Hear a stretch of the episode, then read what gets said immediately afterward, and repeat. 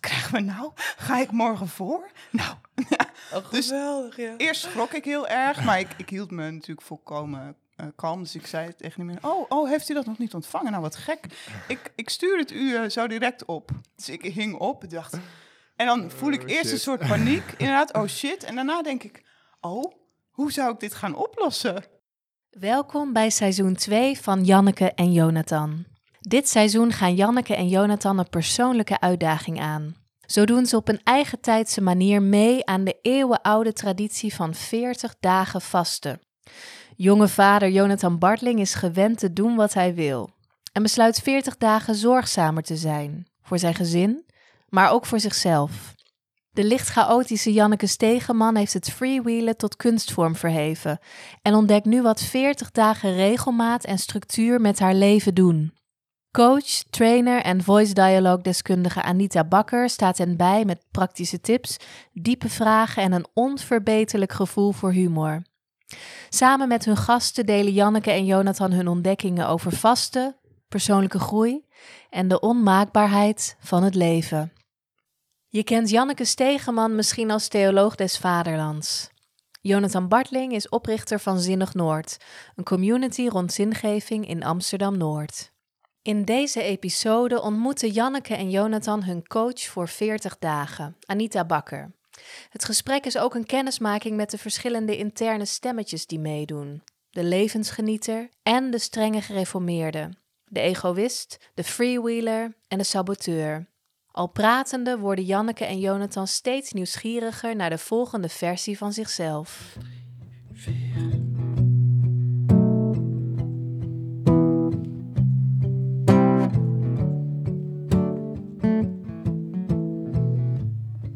Femke en ik hadden een eh, woordenwisseling eh, twee weken terug.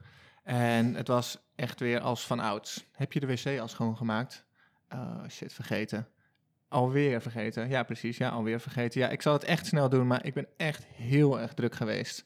Ehm, ik heb nu even ruimte voor mezelf nodig. Echt, heb ik echt even nodig. Ja, ik heb al weken ruimte voor mezelf nodig. Ik heb een kind aan mijn borst hangen en...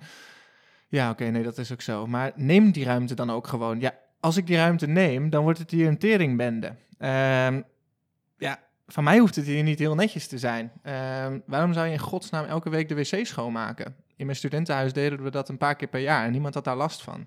In jouw studentenhuis rook het naar pis. Hmm. Zie je het? Ja, ik heb het idee dat je hier wel een soort eh, eh, eh, ah, inloop van jouw challenge te pakken hebt, Jonathan. Het half jaar vind ik trouwens wel heel erg weinig hoor. Ik, ik heb nog steeds een stille hoop dat mijn huisgenoot het vaker deed. Ehm, maar dat zal ik ook niet doorgehad hebben. Zo zit ik een beetje in elkaar. Ja.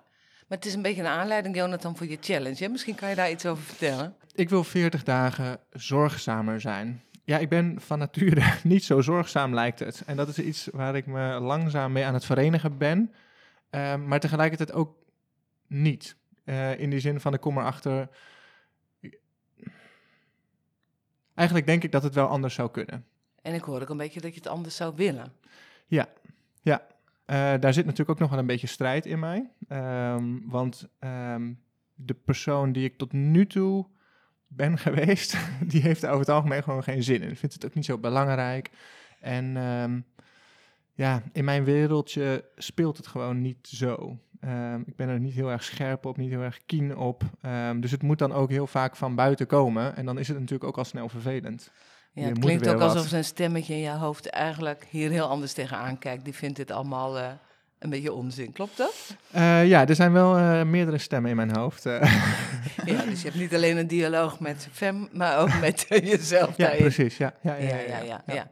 Ik ben nog wel even benieuwd, Jonathan. Je hebt het over zorgzaamheid en, je- en je hebt het dan over schoonmaken dingen. Misschien is het wel goed om nog even heel helder te hebben. Wat vind je eigenlijk zorgzaamheid? Dat is een goede vraag.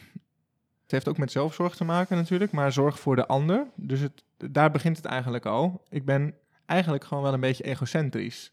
Eh, Oh, dat is wel en dan- eerlijk. En dan ja, zeg ja. ik nog niet egoïstisch, want daar, daar- dat voelt dan meteen weer als een waardeoordeel. Maar egocentrisch, dat is ook gewoon een beetje observatie van... ik ga gewoon heel erg op in mijn eigen wereldje. Dat, dat is gewoon zo. Ehm, en ik vind het best lastig om mezelf in de wereld of het perspectief van anderen te verplaatsen. Helemaal als ze dat niet gewoon heel helder aan me voorleggen. Dus als iemand dat Ja, een dus heldere je- bewoording aan me voor, dan, dan kan ik het soort van mijn eigen maken en dan zo, oké, zo sta jij erin.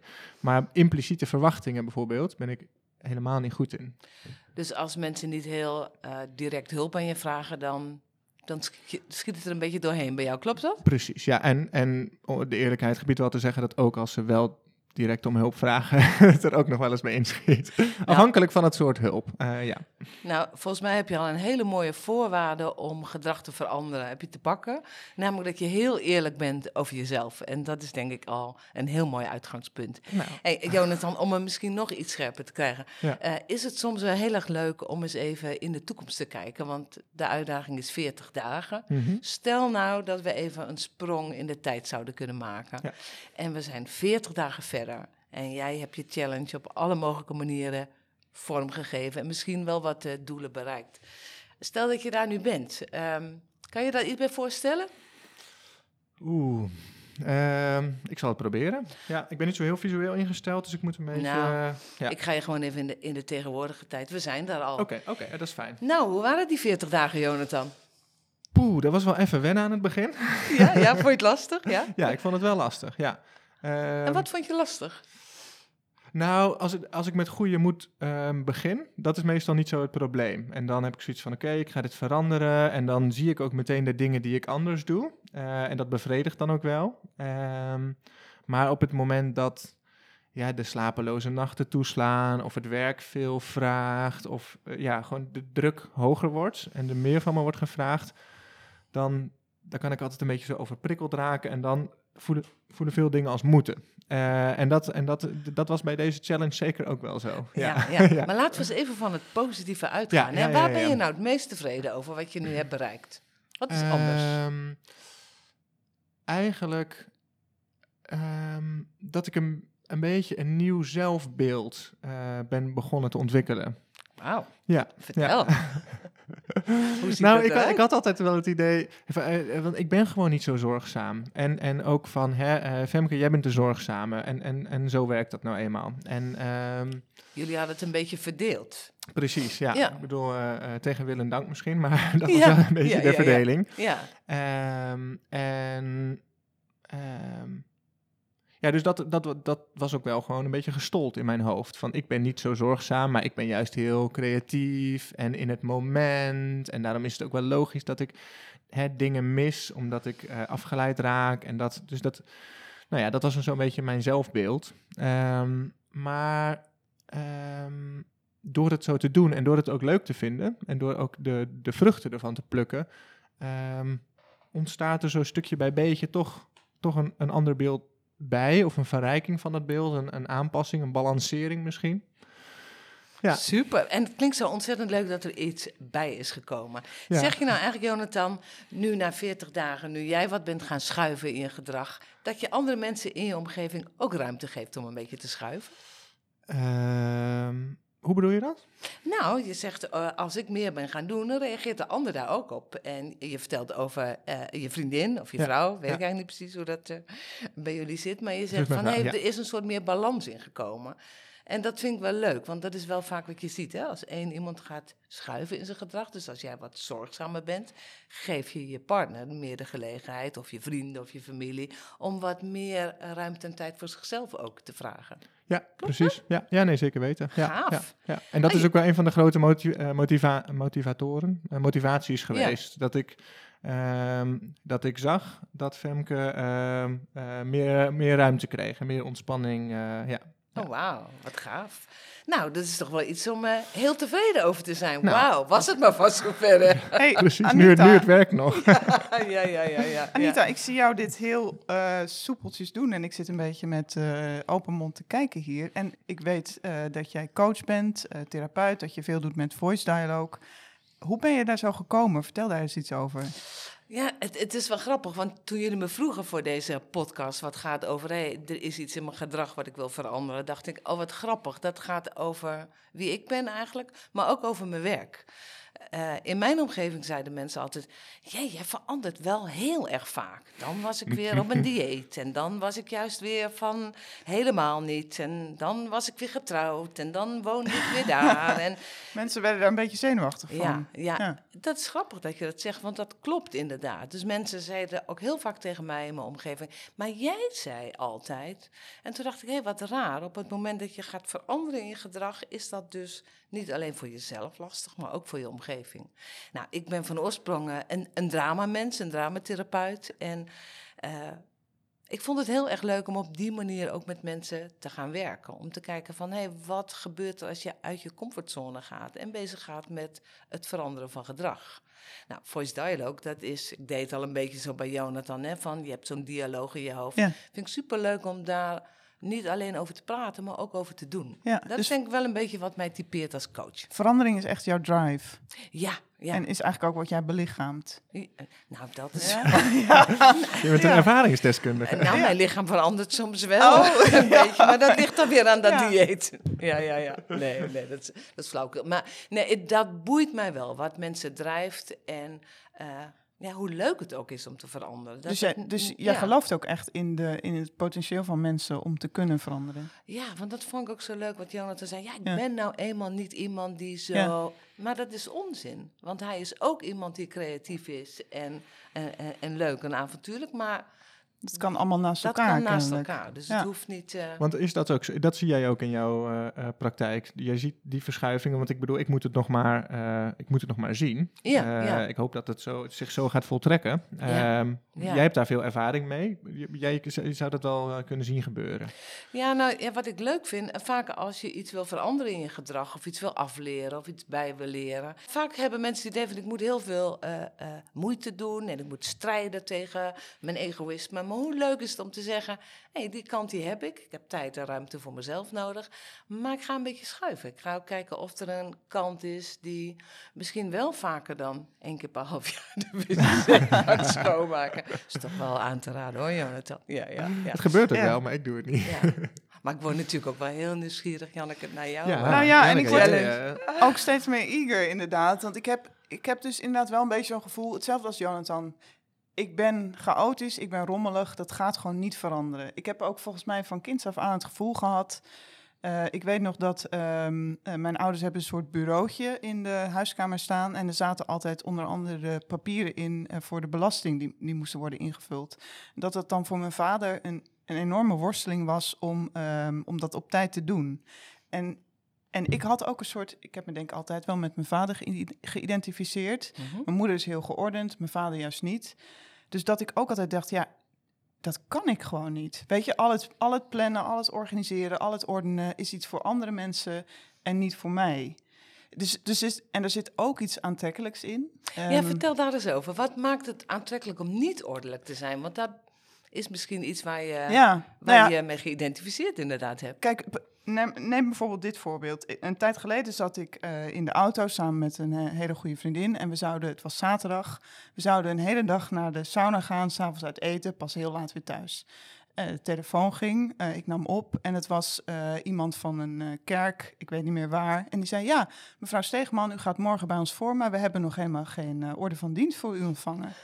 Ik dacht, wat krijgen we nou? Ga ik morgen voor? Nou, Oh, Dus- geweldig, ja. Eerst schrok ik heel erg, maar ik, ik hield me natuurlijk volkomen eh, kalm. Dus ik zei tegen die man, oh, oh, heeft u dat nog niet ontvangen? Nou, wat gek. Ik, ik stuur het u eh, zo direct op. Dus ik hing op en dacht... En dan voel ik Oh, eerst een soort paniek, inderdaad, oh shit. En daarna denk ik, oh, hoe zou ik dit gaan oplossen? Weet je, dus dan merk ik dat het ook iets in me wakker roept. eh, dat, het, dat ik moet gaan improviseren. En Ja. dat ik dat ergens heel lekker vind. En dan, weet je, uiteindelijk komt het goed. Ik belde een vriend, ik zei, hey, eh, ga jij toevallig morgen voor? Hij zei ja. Zei ik, wil je misschien even je orde van dienst aan mij appen? Nou, hij appte dat. Ik stuurde het door aan die preekvoorziener. S'avonds later kwam ik thuis, heb ik nog in twintig minuutjes een preek geknutseld. En het was gewoon allemaal goed. En dat komt omdat, dat, omdat ik hou van dat soort situaties dat het misgaat. En omdat ik een soort, ja, zeg maar alle dingen die gepland zijn, die je lang van tevoren al weet. Ik vind het saai. Ik heb er ook een soort afkeer van. Dus je bent ook gewoon een beetje een adrenaline-junkie. Dat ook, ja. Maar het is ook zo, ehm, gisteren was het toevallig een event eh, van mijn werk dat ik mede had georganiseerd.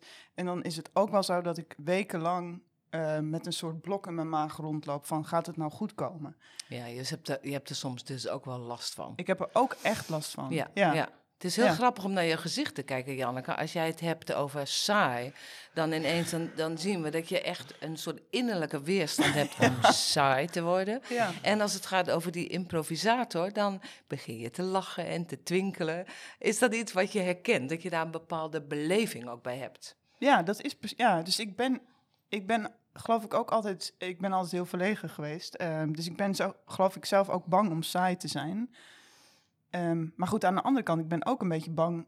Ik ben ook wel een beetje bang voor die chaotische kant. Ik ben ook altijd bang dat mensen, dat ik ontmaskerd word. Zo van, oh Janneke, wat heb je er een potje van gemaakt? Ja, ja, Janneke, hoe kon je dat nou doen? ja. Janneke, ja. waarom heb je niet opgelet? Weet je, al dat soort... Ja, daar, daar zit ook een risico op afwijzing in. Hè? Het grappige is eigenlijk dat we al het gedrag wat we ons aanleren, dat we eigenlijk heel vaak op zoek gaan naar hoe is het zo veilig mogelijk. Oftewel, hoe kan ik me zo gedragen, in je gezin vroeger, maar nu ook, dat je zo min mogelijk afwijzing krijgt. Ja. Dus dat illustreer je wel heel Ja. mooi. Maar ik vind het ook heel erg mooi dat je zegt, ja, eh, het is geen constante factor. Ik wil daar wel in veranderen.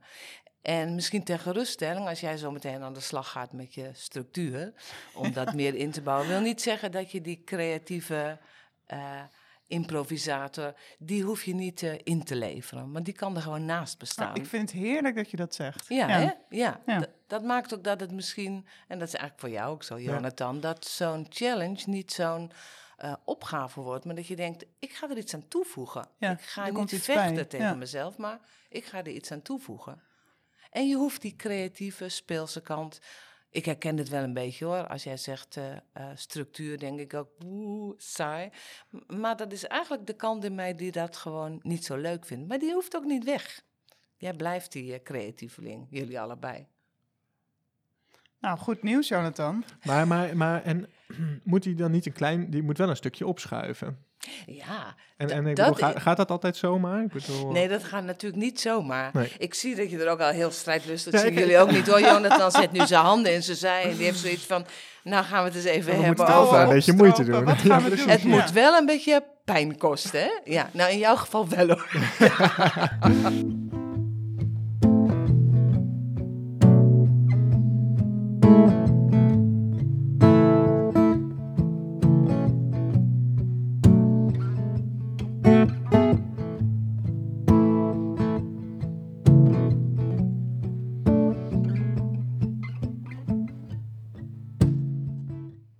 Stel dat we, dat we het heel concreet gaan maken. Eh, laten we het gewoon in het dieren nu maar eens even beetpakken.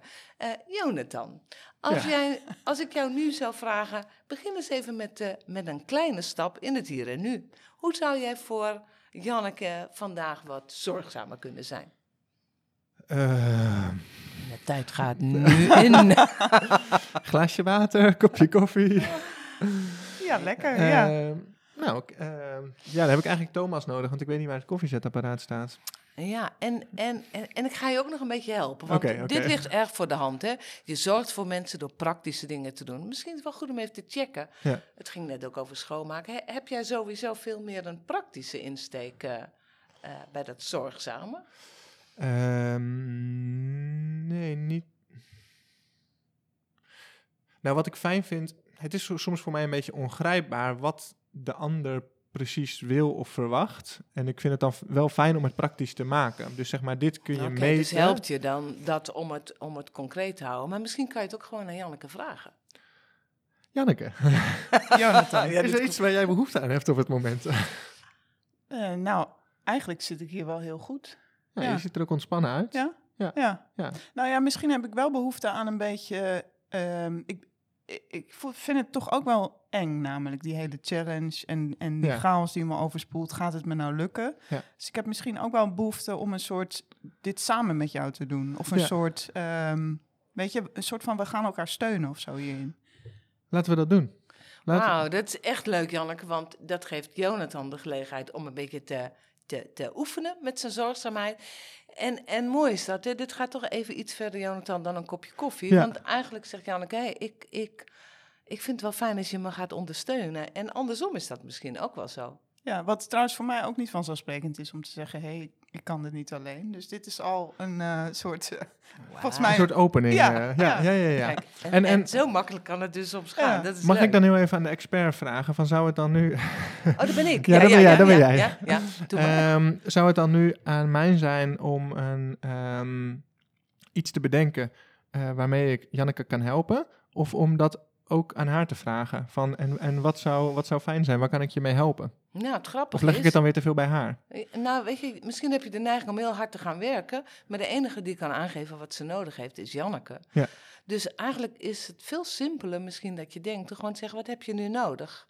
En Janneke reageert heel automatisch, nou, in, in eerste instantie niet, maar wacht eens, ik heb eigenlijk wel je steun en support nodig. En dan kan je doorvragen, Hoe ziet dat eruit? ja, wat kan ik dan voor je doen? Heb je al een idee, Janneke, hoe ik jou zou kunnen supporten? Of hoe we, ook- en hoe we elkaar kunnen supporten? Nou ja, misschien in ieder geval door, door in elkaar te geloven dat we dit kunnen. Ja. Dus wat jij net zei aan het begin, hè, we- aan het begin is natuurlijk, we hebben nu een soort energie. We zitten hier met Anita, we denken, hoppatee, dit gaan we, we gaan hier ruimte voor maken. Ja. Maar er komen natuurlijk ook moeilijkere tijden. Ja, Eh, dus dan heb je het misschien, hebben we het misschien allebei wel nodig dat we even, eh, dat ik jou even kan appen. Hey Jonathan, herinner me er ook alweer even aan. Waar, wat, ehm, hoe ga ik dit ook alweer doen? Kan Ja. ik dit echt?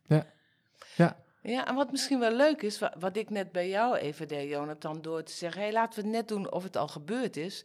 Dat kan je af en toe elkaar ook wel eens even op bevragen. Hè? Zo van, weet je nog wat voor gevoel je hebt al op het moment dat je denkt, hé, hey, eh, het is me gelukt. Want, want nou, we zijn er nu niet al te diep op ingegaan, maar misschien is dat leuk om dat met elkaar ook af en toe eens te doen. Ja. Van, hé, hey, hoe, hoe voelt het eigenlijk als je het idee hebt dat je wat meer eh, voor een ander zorgt? Of hoe voelt dat? Nou, laat ik het eens aan ja dan wil ik het ook wel van Janneke. Weten. Wat, want hoe, hoe zou het voelen als je wat meer structuur zou hebben in je leven? Ja, volgens mij, wat ik me voorstel, is dat ik dan eh, s ochtends aan mijn bureau eh, ga zitten. Ik heb een heel groot bureau. Dat, dat ligt helemaal vol met allemaal boeken en eh, papieren en dingen. En dat ik dan een soort idee van, zou hebben van, oh ja, ik heb een plan voor vandaag. En dat kan ik ook gewoon gaan doen. En, en dat dat me als het ware ook de vrije ruimte geeft om daartussen een beetje te freewheelen en te spelen. Wat ik eigenlijk natuurlijk het liefste doe. Dus dat is eigenlijk weer die combinatie van beide. Ja, Dit klinkt helemaal niet saai hoor, Janneke. Dit klinkt als dat ik jou echt zo zie zitten aan zo'n bureau en, en dat je daar al een beetje rustig van wordt. Ja.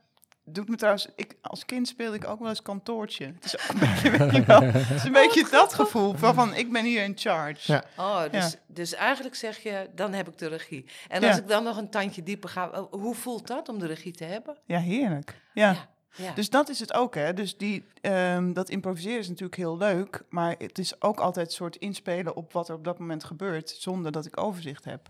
En dat voelt ook soms gewoon bedreigend. Dus de Eh, regie ja. hebben is heel eh, fijn, denk Ja, ik. dat is, is ook een heel mooi woord. Soms heb je ook van die woorden waar je je aan vast kan houden. Hè? Zo de regie hebben over iets. En dat kan je ook helpen om dat zo eh, vast te pakken. En wat ik leuk vind is dat je zegt, op het moment dat ik die rust heb, dan heb ik juist weer wat meer ruimte om ook te freewheelen. En dat is weer een hele mooie bevestiging dat het echt niet elkaar tegen hoeft te spreken.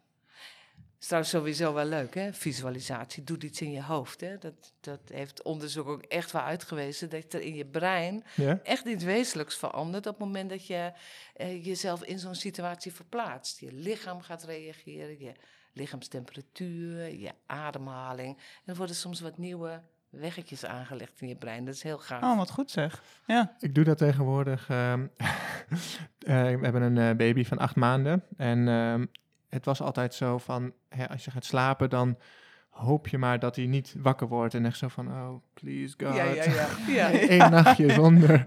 Ehm, ehm, en dat zeg ik te, eh, te makkelijk hoor, want ik slaap ook regelmatig door. En Femke moet er natuurlijk altijd uit om te voeden. Ja, maar dat Ehm, gaat vanaf nu veranderen. Precies, ja, nee, dat staat Ja, ook op ja, mijn lijstje. ja, ja, ja, maar, ja. maar wat ik nu dus wel doe, is ehm, voordat ik ga slapen, stel ik me altijd even voor dat Tuur wakker wordt en dat ik hem ga troosten. Oh. En dan is het meteen, eh, want eigenlijk is, eerst die, is, is er eerst de gedachte, oh nee, shit, ik, ehm, je zal weer zien dat. En dan Ja. draai ik hem meteen om.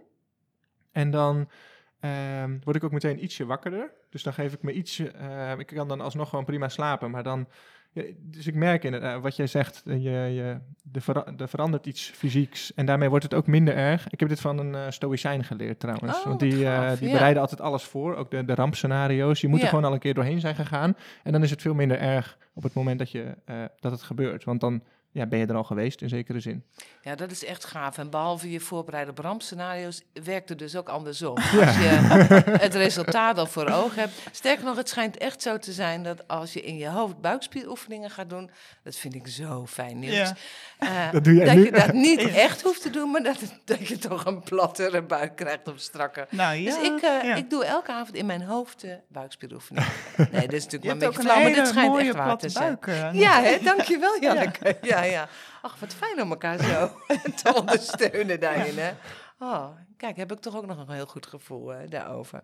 Ja, leuk. Misschien eh, moeten we dan ook een klein beetje eh, concreet worden. Van wat, eh, ik ben wel benieuwd. Jij, jij, eh, als we het over structuur hebben, Janneke, heb jij een plan gemaakt hoe je dit gaat aanpakken? Oh, dat klinkt heel streng meteen, Jonathan. Ja, ik word ook...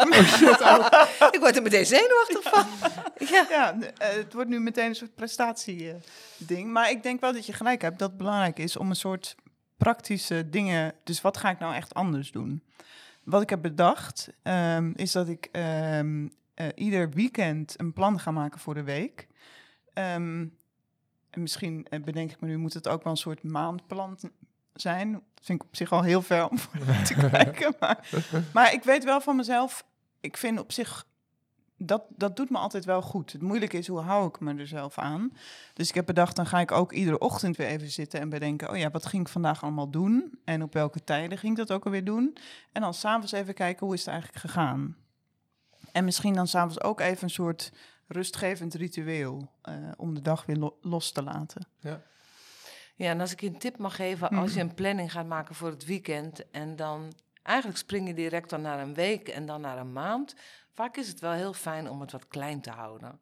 Want als je jezelf al moet vastleggen voor een hele maand, ja, dan weet je zeker dat jouw improvisator je gaat saboteren. Klopt dat? Ja, nee, maar dat zou ik ook niet. Het is meer, denk ik, meer dat ik bijvoorbeeld weet. Oh ja, ik heb dan eh, die lezing en die kerkdienst komt eraan. Weet je? Dat, Dat, je weet niet- wat je te doen hebt. Ja, Ja, globale planning. Ik wou zeggen, want soms helpt het wel als je iets wil veranderen om het gewoon heel geleidelijk aan te doen. En jezelf ook de ruimte geven eh, dat het ook wel eens even niet mag lukken. Ja, ik ben inderdaad wel een beetje alles of niks bij verandering. Ja, Ja. en het leuke is, op het moment dat je een keer onderuit glijdt, weet je, oh, dan kan ik gewoon meteen de dag daarna weer opnieuw beginnen. Dat maakt dat het allemaal niet zo strak en zo streng is. Daarom, ik maak even een grapje, maar inderdaad, wat is je plan van aanpak? ja, ik kan me voorstellen dat jouw improvisator, als ik die zo als een persoon zie, dat Ja. hij nu al op gaat staan en gaat zeggen, hallo, we houden het wel een beetje leuk, hè? Ja, precies. Ja. En dat is misschien ook wel gaaf als je zo'n plan van aanpak maakt. Hoe zou je dat een beetje leuk kunnen maken voor jezelf? Ja, nou, ik heb wel ehm, toevallig van iemand die ik ken die ook een beetje eh, problemen heeft met, met chaotisch zijn. Die had zo'n, ehm, je kunt van die lege agenda's kopen. Of eigenlijk, het is gewoon dus een boekje met lege bladzijden. en daarin richt je dan je eigen agenda in met allemaal kleurtjes en dingen. Dus wat ik normaal eigenlijk soort heel tuttig vind en wat ik nooit zou doen. Maar dan vind ik dat toch wel leuk om even te gaan zitten en een soort netjes op te schrijven. Gewoon de dagen van de week, de data erbij. Zo, weet je, zo fijn als dat lukt. ja. En dan Kleine gewoon, successen. Precies, ja. En dan heb je gewoon je, even je eigen weekplanning gemaakt. En dat is inderdaad, het voelt een soort klein succesje. Ja, dat is echt Ja. superleuk. En die kan je dan ook vieren. En dit klinkt ook als leuk om te doen. Vooral, eh, daar gaat mijn hart wel weer van open. Dan zie ik jou met allemaal kleurtjes en dingetjes. En denk je, ook verheug me erop. Ja, Terwijl als je denkt, oh shit, ik moet die planning nog maken. En dan moet ik me dat nog aan houden ook. ja, Ah, dan, word je, dan, dan voel ik al in mijn Ja. lijf dat ik denk, oh. ja. En dit klinkt als ah, wat je vroeger had als je eh, een, een nieuw poesiealbum had. Dat je dacht, oh, dat ga ik heel netjes houden. En dan ga ik heel... Alleen maar mensen mogen erin die netjes mogen schrijven. ja dat, dat had ik dan weer niet. Ik had ook een beetje een hekel aan een poesie-album. Precies omdat het zo'n Ja, verheven, netjes, keurig, eh, ook een beetje een heel erg tuttig eh, ding was. Maar never mind. Ik zeg, Maar ik- toch ik is het snap- leuk, hè? Ja, dat je steeds ja. die stem van... eh, ik vraag ook wel eens aan mensen, wat in jou gaat je saboteren? Dus Ja. wat in jou... Bijvoorbeeld als ik heel erg eh, eh, netjes wil leven... Ja. dan zegt mijn levensgenieter, die saboteert mij. Die zegt altijd, ah joh, vandaag is vandaag, morgen weer een dag. Dus het is soms ook goed om je even voor te stellen... wie zou jou saboteren Ja. als het gaat om... Ja, ik denk nog meer mijn innerlijke fatalist. Die denkt, ja, sorry Janneke, maar dit, dit kan je gewoon niet. Je Ah. bent een chaot. Of Ja. Ik, ik ben een chaot, Ja. zeg maar. Ja, zo ben ik nou eenmaal. Ja, ik weet nog dat ik, ik werkte een tijd in een broodjeszaak. En toen, eh, en dat kon ik ook helemaal niet, mede vanwege dus dit issue. En toen op een gegeven moment waren er allemaal klanten die hun eten maar niet kregen. En dat kwam, bleek, doordat ik alle briefjes waar ik de bestelling op had opgenomen in de vuilnisbak had gegooid. en het was, weet je, dat was nou precies zo'n ontmaskermoment. Toen de eigenaresse daarachter kwam en me echt aankeek zo van... Wie ben jij? Wat is er met jou aan de hand? Nee. Ja, dus je, dus je hebt een- zo'n stemmetje in je die zegt: begin er maar niet aan. Ja, Want, en misschien is dit ook wel waarom je het hebt opgebouwd. Omdat je het zo graag goed wilde doen. Dat je dacht: dan ga ik hier maar niet aan beginnen, precies. want dat ja. gaat toch niet goed. Ja. Stel dat je die fatalist naast je zou hebben zitten. Hè, en die zou zeggen: Joh, Janneke, waardeloze challenge, begin er maar niet aan. Wat zou je dan tegen die fatalist kunnen zeggen? Want jij wil immers de regie hebben, toch Ja. niet die fatalist? Nou, dan zou ik zeggen, ja, ik heb net van Anita gehoord. dat ik wel degelijk... Nou, en ik zou ook, ook kunnen zeggen... Ik ben al op heel veel punten, denk ik, veranderd in mijn leven. Dus ik heb mezelf al op heel veel punten meer ruimte gegeven. Bijvoorbeeld die verlegenheid heb ik eh, Ja, voor ja, een groot deel overwonnen. Dus ik weet eigenlijk wel, dat kan wel. ja, Ja. ja. dat is inderdaad. Het, je kijkt altijd vooruit eh, naar de dingen die nog moeten gebeuren en die onoverkomelijk zijn. Maar er zijn, ja, je bent altijd al op een heel aantal dingen Ja. eh, veranderd. Ja. hey, en Jonathan, heb jij een soort... Heb jij een eh, plan van Ja, aanpak? ik heb Of, een eh, ja, Ja, dat dat, dacht ik klinkt al, toch ja. wel heel gestructureerd, Janneke. Een plan van aanpak, ja. Ehm, ja, ik heb wel een, ehm, iets van een plan van aanpak. Het is ook nog niet helemaal scherp. Ik heb ook nog wel wat vraagtekens, juist omdat hè, ook een beetje die vraag ehm, die jij stelde, Anita. Kijk, ergens de. Het probleem heeft zeg maar twee kanten. Dus de, de, hè, de praktische, eh, iedereen vindt het Mhm. het zou gewoon heel goed zijn als ehm, de huishoudelijke taken en verantwoordelijkheden met de kinderen, als die gewoon echt wel even wat gebalanceerder, eh, eh, beter verdeeld zouden zijn. Mhm. Ehm, en tegelijk heb ik ook dan toch het idee dat er iets is dat me ontglipt, zeg maar. Dat ik, dat ik net, net toch niet helemaal aanvoel wat zij dan wil of nodig heeft. Dus zeg maar zulke praktische dingen, dan, hè, dan, dan kun je er wel komen. Ja, ja. Ehm, hoewel ik hier ook al wel eens beterschap in heb beloofd hoor. En een, ook veel te ambitieus. Dat was misschien dan ook wel de valkuil. Schoonmakenrooster van met in die week dit en dan ro- roterende eh, systemen en weet ik veel wat. Ja, nou, dat, eh, Jonathan, als ik even mag onderbreken, dat, dat is ook wel een beetje wat ik voel bij jou, dat je het heel erg wil beetpakken. Terwijl, nou ja, ook, ook de challenge waar jij mee worstelt, is ook heel interessant om niet alleen te kijken hoe kan ik mijn gedrag veranderen, Ja. maar ook wat zit daaronder. Ja. En als ik zo een beetje naar je luister, dan zeg je, ik heb echt veel behoefte ook aan eigen ruimte, aan tijd voor mezelf. Ehm, en schijnbaar is er een soort van tegenstelling ontstaan. Maar het is ook wel heel mooi om bijvoorbeeld eh, eh, een tandje dieper te gaan en te denken van... hé, hey, hoe is het voor mij om me te verplaatsen in een ander? En dan kom je al heel snel, wat jij in het begin ook zei... van hé, hey, hoe zorg jij voor jezelf? En hoe heb jij voor jezelf gezorgd? Ja.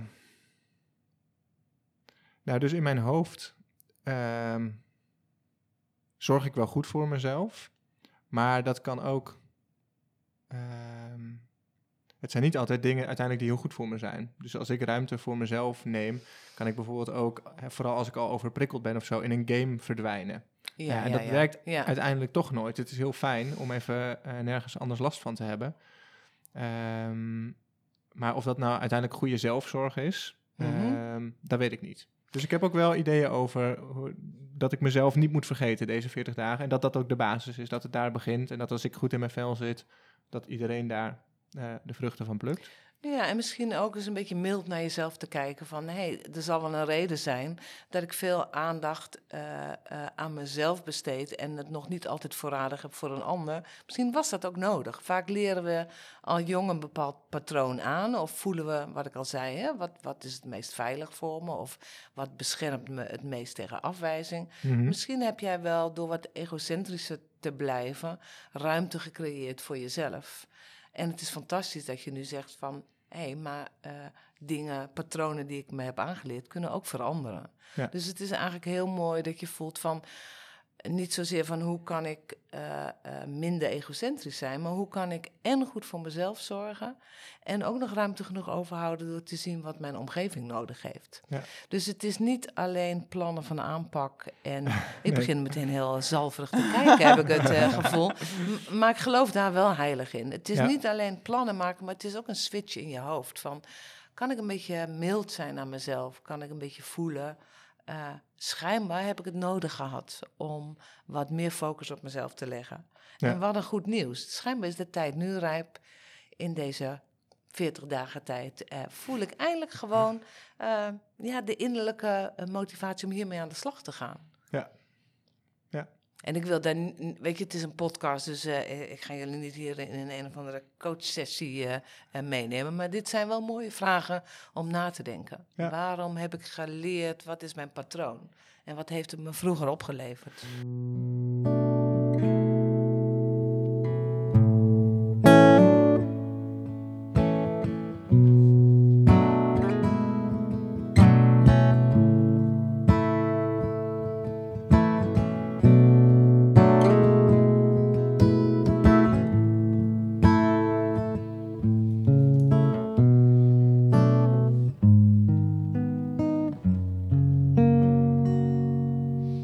Jij noemde al dat woord lijdenstijd. Het een andere naam voor de 40 dagen tijd. Dus ik, heb, ik merkte ook ehm, ehm, in de voorbereiding hierop... Ik heb bijvoorbeeld ook eh, vaak wel gevast in de 40 dagen tijd. En dan merkte ik dat dat ook... ehm, dat het me haast een beetje te goed afging of zo. Of dat ik... Dat werd dan al- allemaal een beetje somber en ingetogen en zo. Ehm, terwijl ik nu juist ook op zoek ben naar ehm, de, de verrijkingen van. En misschien ook het lichte. Ja, dat is mooi. De, eh, eh, want er zal best een kant zijn die ook heel erg gehecht is aan die soberheid. En, en, en op zich is dat ook, eh, is ook gewoon een hele goede kant. Maar ik zie nu ook een beetje bij jou dat je eh, dat het ook gewoon leuk mag zijn. Dat Ja. het, nou, wat ik, ik noem dat woord mildheid. Dat vind ik geloof ik wel het allermooiste woord in onze Nederlandse taal. Weet je, als je met mildheid en ook met een beetje zelfspot. Vind ik trouwens Heerlijk, sowieso zo fijn. En dat merk ik bij jullie allebei. Aha. Weet je wel, humor helpt ook zo om tegen zo'n fatalist te zeggen: hou nou eens op. Ik vind het leuk om wat structuur. En tekent er maar allemaal mooie bloemetjes bij. En dan word ik er vrolijk van. Hou je mond, ik kan het best. Ja. Ja, ja, Ja. ja. Dus dat, dat is leuk dat je dat zegt. Luchtigheid.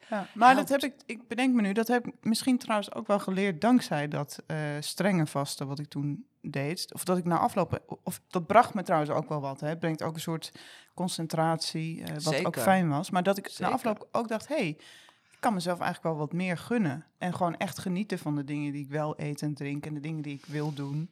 Dus ik, misschien ben ik daardoor, niet dat ik ben niet heel lief voor mezelf, maar ik heb misschien wel iets meer zicht gekregen op dat je dat gewoon kan doen. Ja, ja, ja. ja. Omdat je zo succesvol streng voor jezelf was, dat je denkt, hé, hey, ik ben best wel streng voor mezelf. Nou, nee, omdat ik ik, bedoel, ja, ik het kan- was inderdaad een ontdekking. Het was eigenlijk een ontdekking. Ik dacht namelijk niet dat ik streng voor mezelf was. Dus het was eigenlijk ook een ontdekking. Hé, ik ben eigenlijk best streng voor mezelf. Ja.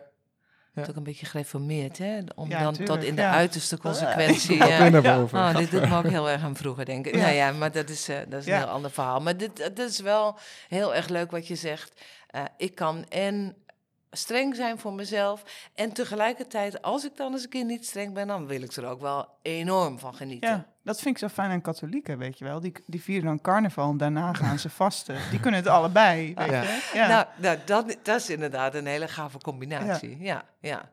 Nou, er zit vast ergens wel een, eh, een katholiek stemmetje in je hoofd... eh, die nu ook wat ruimte krijgt. ja, zeker. Ja. Ja. Dat, is, dat is voor mij ook wel de uitdaging, merk ik, om niet... ehm, om ook niet in die weerstand, of hè, wat jij saboteur noemde, eh, te blijven hangen. Want dat is toch de stem die vaak ook als er weer een appel op mij wordt gedaan eh, van hey, kun je dit of dat doen, ehm, dat er altijd zoiets is van eh, laat me met rust. Ehm, ik wil gewoon mijn eigen ding doen. Ehm, maar dat ik er nu ook wel echt naar uitkijk en soort van nieuwsgierig ben naar hoe die volgende versie van mezelf zal zijn, die dat wel kan. Ja, leuk. Eh, leuk. Dat Want ik heb intussen ook gewoon een gezin en ik, kan, ik, ik ben niet alleen maar meer voor mezelf. En dat merk ik wel, ook door hierover na te denken, dat ik denk van ja, dat is eigenlijk soort van mijn innerlijke overtuiging, is dat toch dat de wereld een beetje om mij draait en dat het, dat het leuk moet zijn. En bovenal voor mij. Eh, En dat is eigenlijk gewoon niet meer echt houdbaar of zo. En wat denk je dat het je oplevert, Jonathan, als dat wat minder om jou draait, wat, wat, wat- kan je dan in woorden vatten? Wat gaat je dit opleveren? Hmm.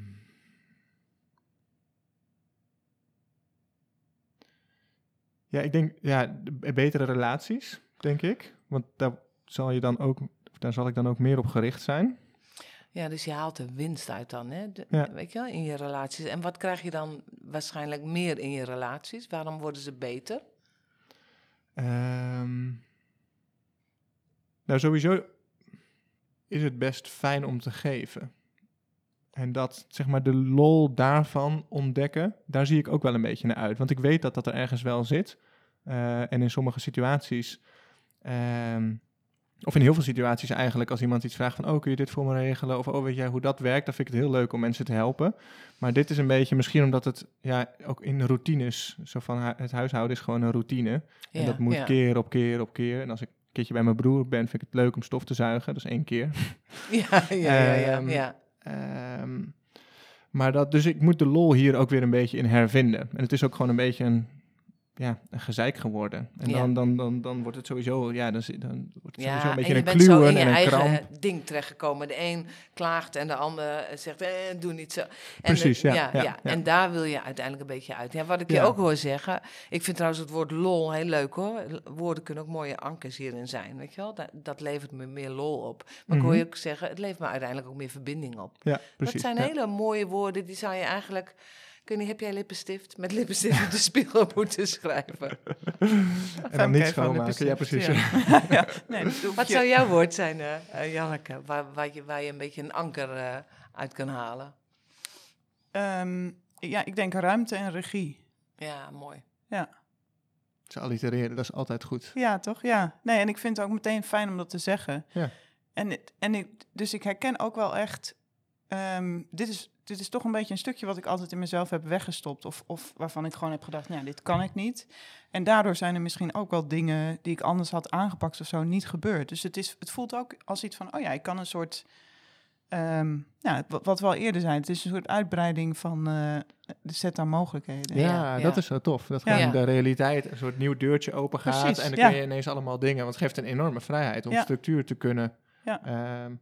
We, hadden het er al eerder over dat ik eigenlijk eh, een paar jaar geleden redelijk hetzelfde erin stond als jij. En ook ja, dat echt lastig vond, overzicht. En op een zeker moment gewoon door het werk en het altijd maar te doen en te doen. En een collega die wegging, die eigenlijk die rol veel meer had. En dat ik wel moest. En nog probeerde een nieuwe collega erbij te zoeken die dat moest doen. En eigenlijk ben ik er nu, kom ik er nu wel achter van... hé, maar intussen kan ik het gewoon op een of andere manier. En Ja. doe ik het. Maar dat is ook grappig, want in, in onze werkrelatie ben jij ook een soort de geordende. Ja, nu. precies. Ja, ja, Dus ja, dat ja, is ja. misschien ook wel een uitdaging, dat we, die, dat, we dat wat gelijker eh, kunnen verdelen. Misschien is dat een hele leuke Want als jij het wat ja. meer loslaat, dan nodig je eigenlijk Janneke Ja. uit om wat meer structuur te pakken. Ja, ja. ja, precies. Ja. Ja. En Janneke, als jij wat, eh, eh, wat egocentrischer bent, dan, dan eh, geef je Jonathan meteen de ruimte om ook wat meer focus op jou te hebben. Dus dat is echt leuk. Ja.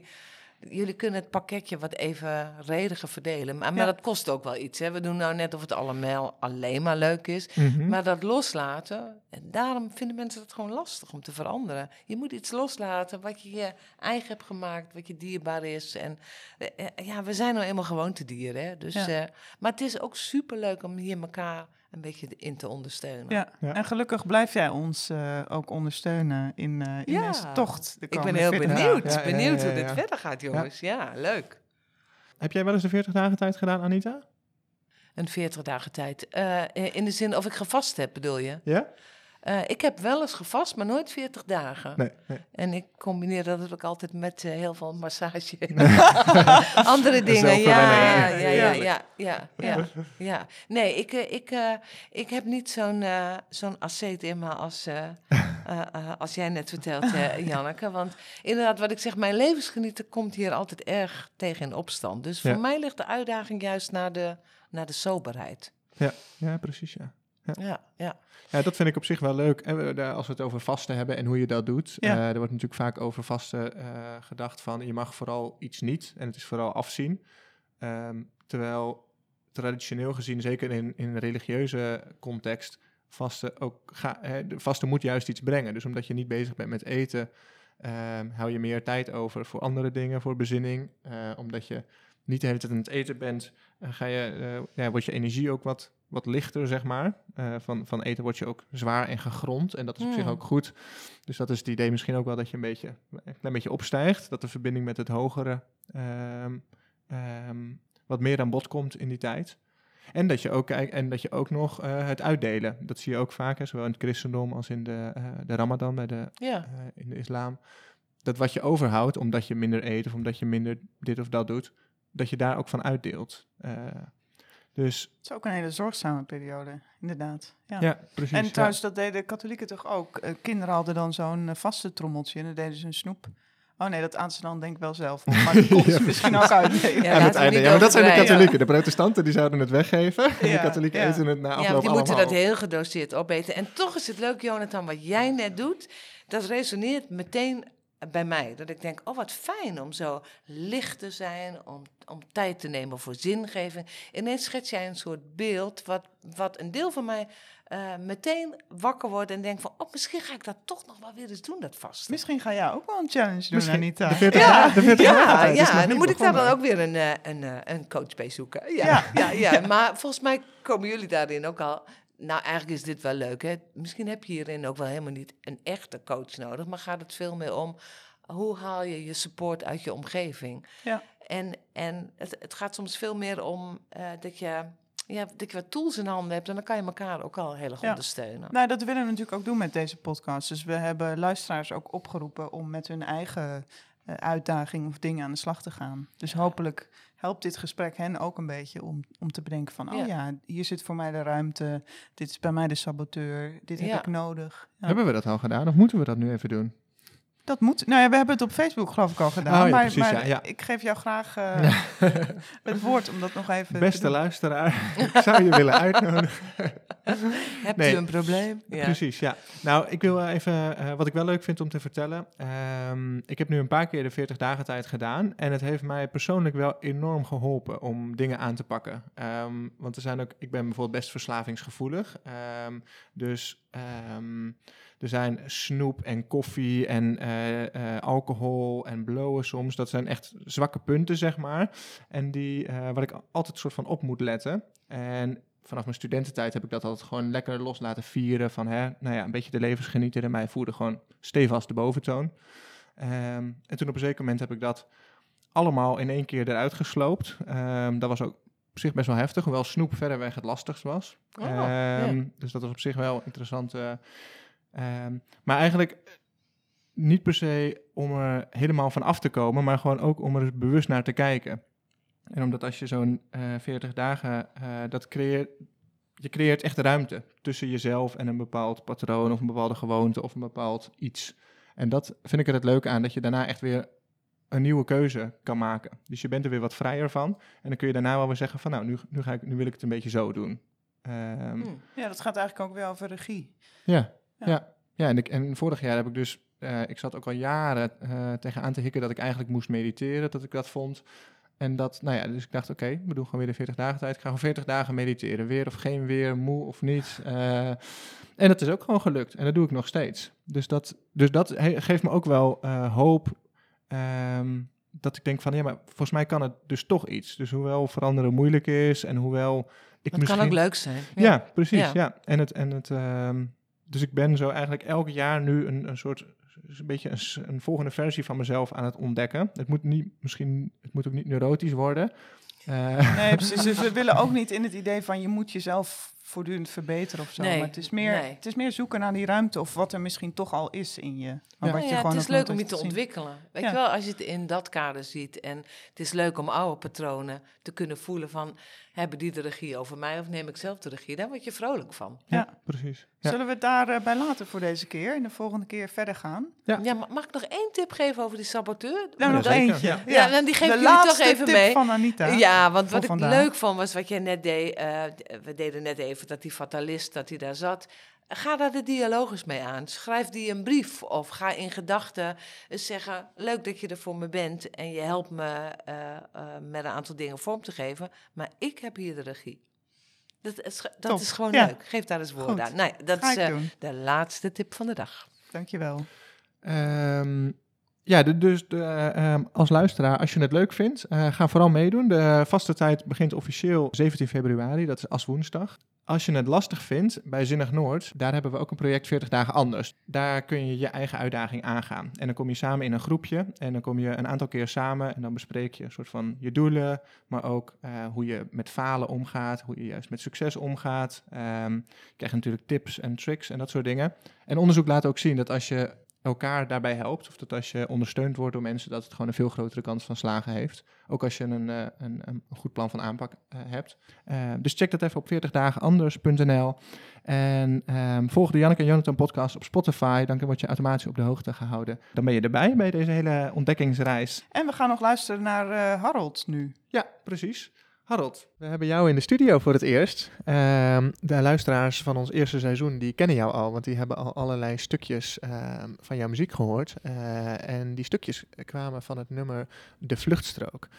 En vandaag eh, ga je dat voor het eerst live en in zijn geheel voor ons eh, optreden. Eh, Ja. Sowieso superleuk dat je hier bij je bent en dat je ehm, in dit hele 40 dagen traject met ons op gaat trekken en ons van muziek gaat voorzien. hey, dat nummer De Vluchtstrook, waar gaat het over? Het gaat over het gevoel ehm, ja, in jezelf vast te zitten en ehm, terwijl alles maar voorbij raast. Je staat op, ja, het beeld is, je staat op de vluchtstrook en je hoort wel dat er van alles gaande is.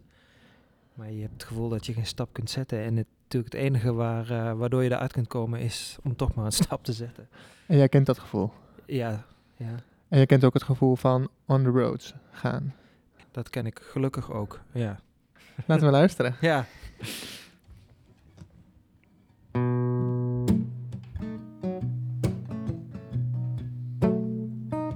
En ik word op de vluchtstrook.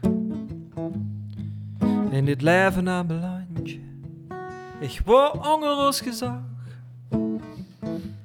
Mijn weg onge handje. Toen heb ik me geen kaartje gepakt. En ik ga geen spoor van mijn weg. Ik heb het oog aan dicht gevraagd. Hey, waar is mijn weg? Ik heb achteruit gekeken. Ik heb omhoog gekeken. Ik heb vooruit gekeken.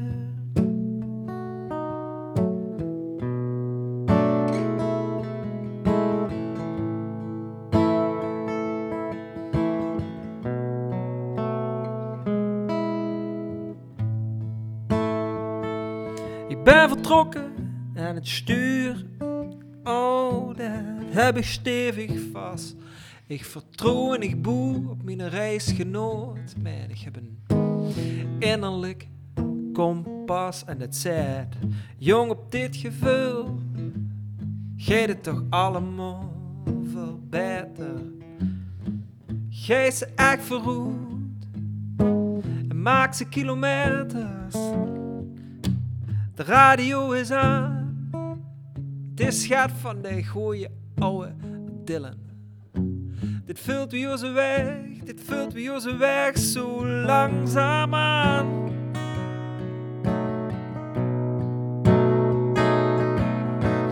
En ook al kent ze neer, elke stap voorspellen. En toch is het de moeite weer om elke stap te tellen. En elk stapje is er om alles voor te geven. Dit nu leven, oh dit is leven. Nu leven, oh dit is leven dit nu leven. Dit is leven.